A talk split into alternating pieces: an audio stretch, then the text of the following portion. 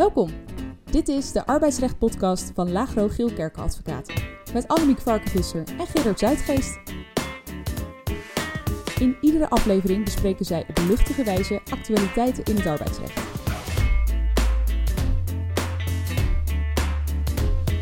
Welkom, we zijn er weer. Ja, leuk. Ik heb er zin in. Zeker. En in deze aflevering eh, zoomen we eh, aan de hand van de uitspraak van de week in op de verhouding tussen de WADI en het relatiebeding. Dat klinkt wat saai Hmm. en technisch. Maar eh, we merken wel dat in de zeer krappe arbeidsmarkt er veel vragen zijn bij werkgevers over concurrentie en relatiebedingen. En aan de hand van die recente uitspraak spreken we, bespreken we een aspect van die concurrentie en relatiebedingen. En we geven ook nog tips aan werkgevers. Ja, leuk. Dus eh, dat eh, gaan we straks doen, maar we beginnen met een nieuwsflash. Wat moet je weten? De nieuwsflash. Ja, in het kader van de nieuwsflash een paar zaken die we aanstippen. Om te beginnen, eh, de uitspraak van de Hoge Raad van 11 oktober. Ja. En die gaat over de aanzegvergoeding. Eh, in de wet is daarover geregeld dat een werkgever de werknemer met een contract voor bepaalde tijd tenminste één maand van tevoren moet informeren over het al dan niet voortzetten van die arbeidsovereenkomst. Ja. Ja, en doet de werkgever dat te laat, dan eindigt de dienstverband nog steeds van rechtswege. Maar is die werkgever aan die werknemer wel een aanzegvergoeding verschuldigd. En de hoogte van die aanzegvergoeding die hangt dus samen met het moment waarop de werkgever de werknemer correct informeert. Doet de werkgever dat twee weken te laat, dan is de aanzegvergoeding twee weken salaris. En de maximale aanzegvergoeding is dus één maand salaris. Klopt. Ehm, en in de wet is bepaald dat de werkgever dat aanzeggen dus schriftelijk moet doen. Maar in de rechtspraak was daarover ja, nog niet helemaal duidelijkheid. Nee, nee. Want diverse rechters die hadden dan bijvoorbeeld geen aanzegvergoeding toegekend als de aanzegging niet schriftelijk had plaatsgevonden, maar wel vaststond dat de werknemer op een andere manier, dus bijvoorbeeld mondeling, was geïnformeerd over het feit dat het dienstverband niet zou worden verlengd. Ja, en op basis van billijkheidsargumenten werd dan door rechters geoordeeld... ja, werknemer, ja, je komt hier nu wel om een aanzegvergoeding vragen... Eh, Maar je en wist ja, het gewoon. Ja. En ja, inderdaad, die aanzegging is niet schriftelijk gedaan. Maar ja, wat kom je hier eigenlijk doen? Ja. Even plat gezegd. Want je wist toch gewoon dat het dienstverband niet zou worden voortgezet. Dat heb je bijvoorbeeld zelf bevestigd. Of, ja. nou ja, dat Ik bleek- vraag me wel af in de praktijk hoeveel werknemers dan nog naar de rechter gaan voor twee weken. Nou ja, maar er zijn dus echt wel best wel eh, Ja. uitspraken waarbij duidelijk was dat de werkgever werknemer had geïnformeerd. Zij het niet schriftelijk. En dat eh, werknemers dan toch nog die aanzegvergoeding wilden van twee weken of, of, of soms een maand salaris. Maar goed, de Hoge Raad maakt aan deze onduidelijkheid een einde. Want de Hoge Raad zegt, het staat gewoon in de wet, moet schriftelijk. De wetgever wetgever heeft het zo kennelijk bedoeld. En ook als de werknemer op een andere manier duidelijk is geworden dat niet wordt verlengd. En ook als de werknemer geen schade leidt, bijvoorbeeld omdat hij direct na eh, eh, onderkomst van die arbeidsovereenkomst ergens een andere baan heeft, dan nog moet de aanzegvergoeding worden betaald als de aanzegging niet schriftelijk is gebeurd. Dus Mhm. even een les, werkgevers, let op uw zaak. Aanzeggen moet altijd schriftelijk. Ja, precies.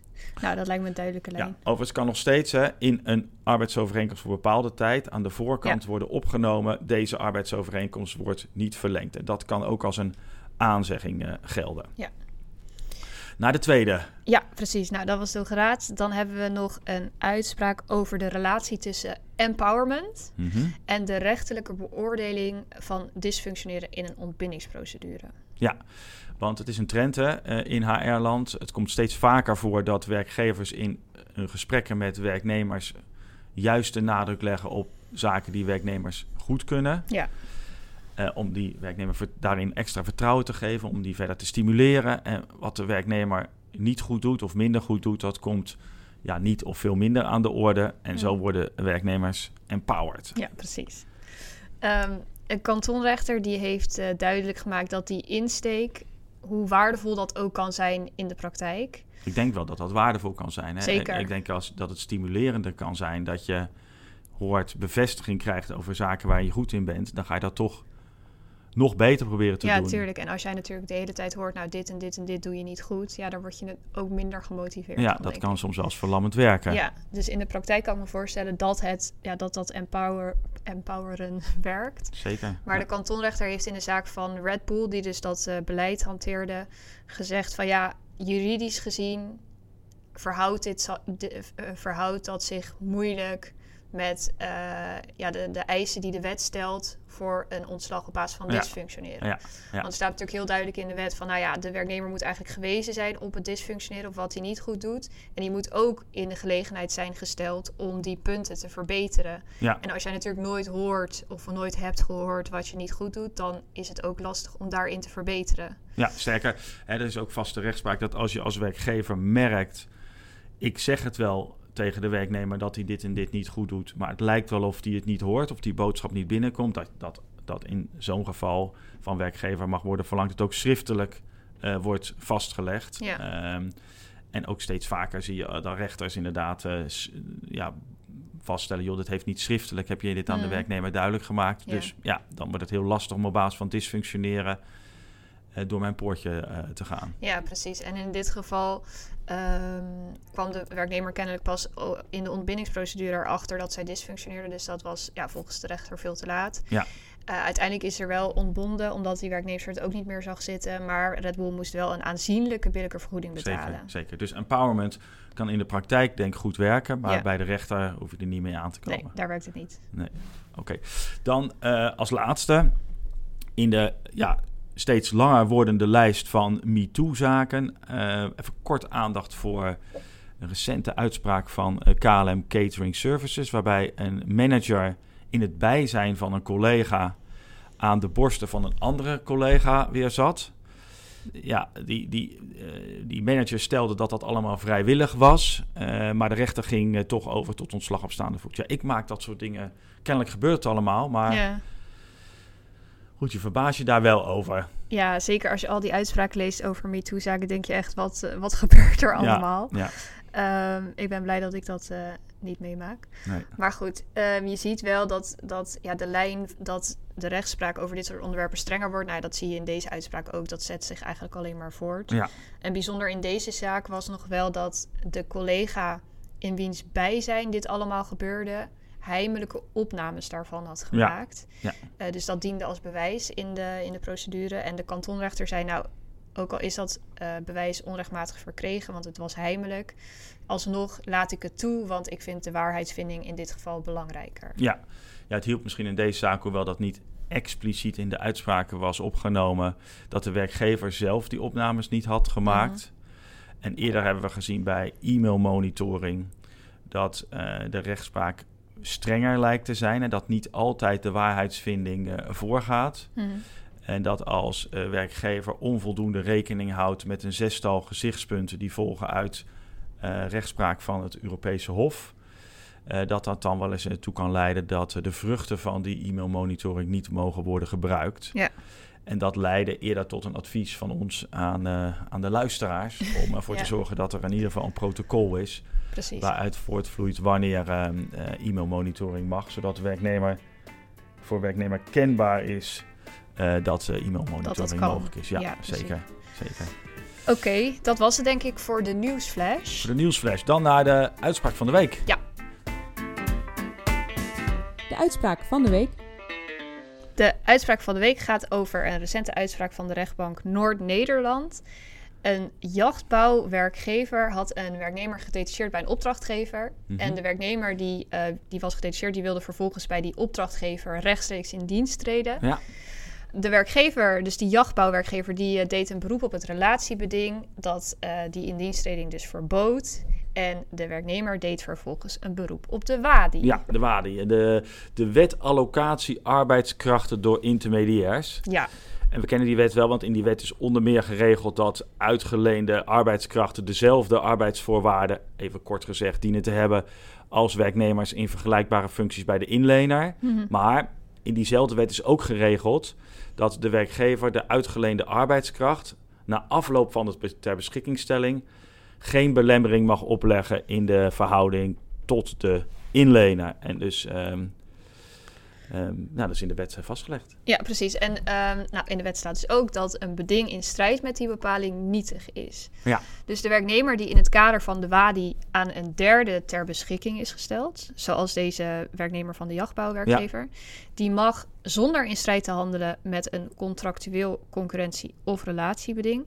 na afloop van de ter beschikking stellen, eh, stelling in dienst treden bij die Ja, opdrachtgever. die werknemer is daarin vrij. Hè? Dat relatiebeding kan wel gelden voor, voor andere relaties van die Ja.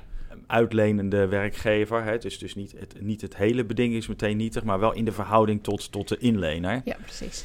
En door uitleners wordt daarom ook wel regelmatig in contracten met de opdrachtgever getracht om boetebedingen overeen te komen. Hè? Zodat, zodat die opdrachtgever terughoudend wordt om de voormalige inleenkracht over te nemen. Want als daar dan een forse boete op staat of een belangrijk eh, bedrag, een groot bedrag moet worden betaald, dan, dan, ben je misschien wel terughoudend. Maar ook daarover is in de WADE een bepaling opgenomen. En eh, die zegt dat eh, dat soort bedingen ook nietig zijn. Je mag eigenlijk alleen maar tussen inlener en uitlener mag er alleen maar een afspraak worden gemaakt dat de inlener bij het overnemen van zo'n inleenkracht aan de uitlener een redelijke vergoeding Hmm. betaalt. En uit rechtspraak volgt dat die redelijke vergoeding, zoals in de wet vastgelegd, eigenlijk in relatie moet staan tot de reële kosten die de uitlener heeft gemaakt. En die kosten zijn eigenlijk bijna altijd al lang terugverdiend Ja. in de periode dat de uitleenkracht eh, bij de inlener heeft gewerkt. Hè. En voor extra betaling is eigenlijk vrijwel nooit plaats. Nee. Het is wel zo, we, we- we krijgen er ook wel eens vragen over, dat soms vinden opdrachtgevers het toch lastig om hun verzoek van, de, eh, van het uitlenende bureau om zo'n boete of om Mm. zo'n bijdrage te betalen te negeren, omdat die arbeidsmarkt Ja. heel krap is. Ze hebben ze het denken, nodig. Ja, Als we die banden met dat bedrijf doorknippen omdat we die bijdrage niet betalen, dan krijgen we misschien geen, eh, geen inleenkrachten meer. Dus daar, daar zit wel een spanningsveld in, maar ja, hoe het juridisch zit is denk ik wel helder. Alleen maar een redelijke vergoeding. Ja, dus dat betekent dat uitleners eigenlijk ehm, ja, daar weinig tegen kunnen doen. Dat Ja. een uh, inleenkracht gewoon Ja, rechtstreeks dienst ja, treedt. Ja. Dat klopt, dat klopt. Maar eh, de rechter oordeelde in deze zaak toch in het voordeel van de, van de uitlener. Eh, in het spanningsveld met die werknemer. En, eh, en dat kwam omdat de uitlener stelde dat geen sprake was geweest van ter beschikkingstelling in de zin van de WADI.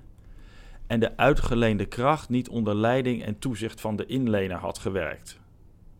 Ja, en die stelling, dit is eigenlijk geen WADI-uitlening, die werd door de rechter gevolgd. En daarmee, daardoor werd het relatiebeding niet aangetast en werd de werknemer aan dat beding gehouden. Ja. ja, en hier zit dan ook de tip aan eh, uitleenwerkgevers. Probeer de mogelijkheden om een uitlei- uitlening niet een ter beschikking te laten zijn, zoveel mogelijk niet alleen schriftelijk vast te leggen, eh, maar daarna ook in de praktijk te handelen. En dat Ja. is natuurlijk een beetje technisch, maar hoe doe je dat dan praktisch?